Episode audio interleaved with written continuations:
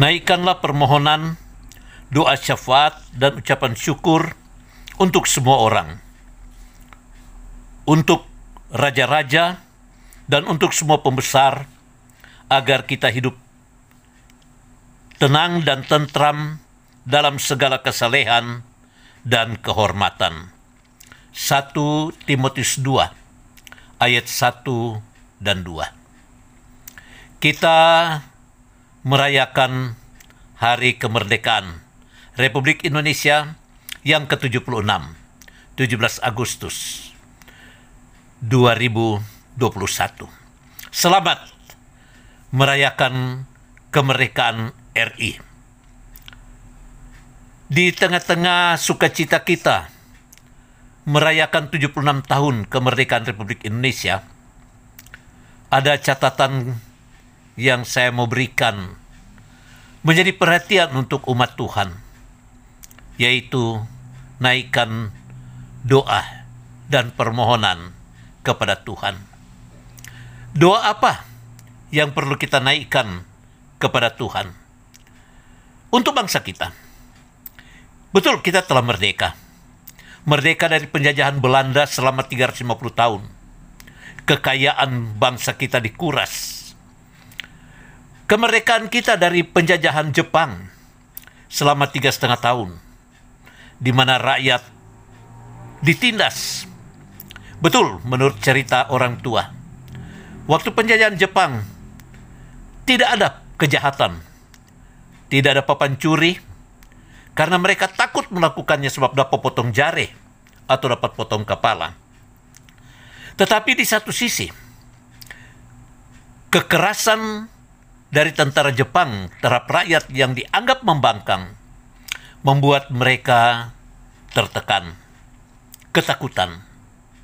Tapi setelah kemerdekaan Republik Indonesia kita prihatin. Apa yang kita perlu prihatin? karena ternyata penjajahan sesama anak bangsa masih terjadi. Di Aceh, gereja-gereja dibakar, dibongkar, dan peribadatan dilarang. Dan sampai hari ini, pemerintah belum mengakomodir dan memberikan kebebasan untuk umat Tuhan beribadah di satu tempat yang layak. Dibandingkan dengan di Tolikara, Papua, ketika satu rumah ibadah yang bertumongkor di ruko terbakar, maka begitu cepat pemerintah mengalirkan dana puluhan miliar untuk membangun kembali dan akhirnya mendapatkan satu rumah ibadah yang besar dengan kintal yang luas dan megah dibanding dengan Aceh. Tidak seperti itu. Jadi penjajahan sesama anak bangsa masih terjadi. Di sana sini di republik ini, gereja-gereja masih tetap belum merdeka. Belum ada kebebasan untuk beribadah. Di banyak tempat, ibadah sementara berlangsung, aparat sudah datang membubarkannya. Dan sampai hari ini, mereka-mereka yang bertindak seperti itu tidak diambilkan tindakan.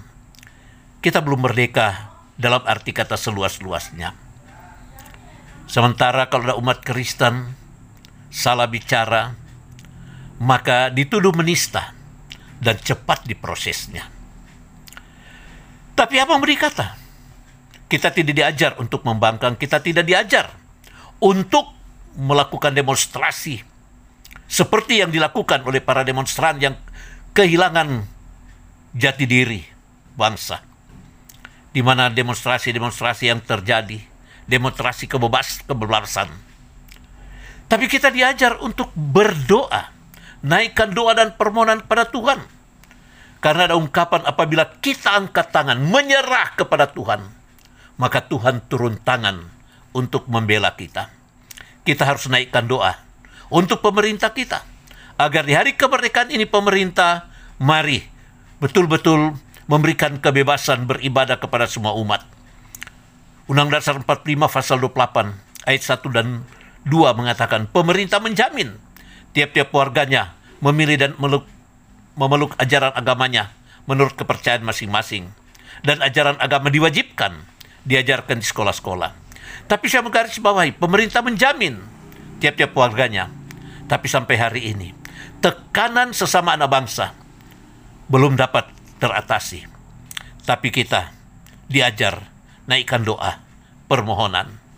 Supaya pembesar, raja-raja, betul-betul bertindak bijaksana. Dan mereka betul-betul menjadi alat negara yang betul-betul menjaga kemerdekaan tiap-tiap rakyatnya dalam beribadah. Tuhan Yesus memberkati. Amin.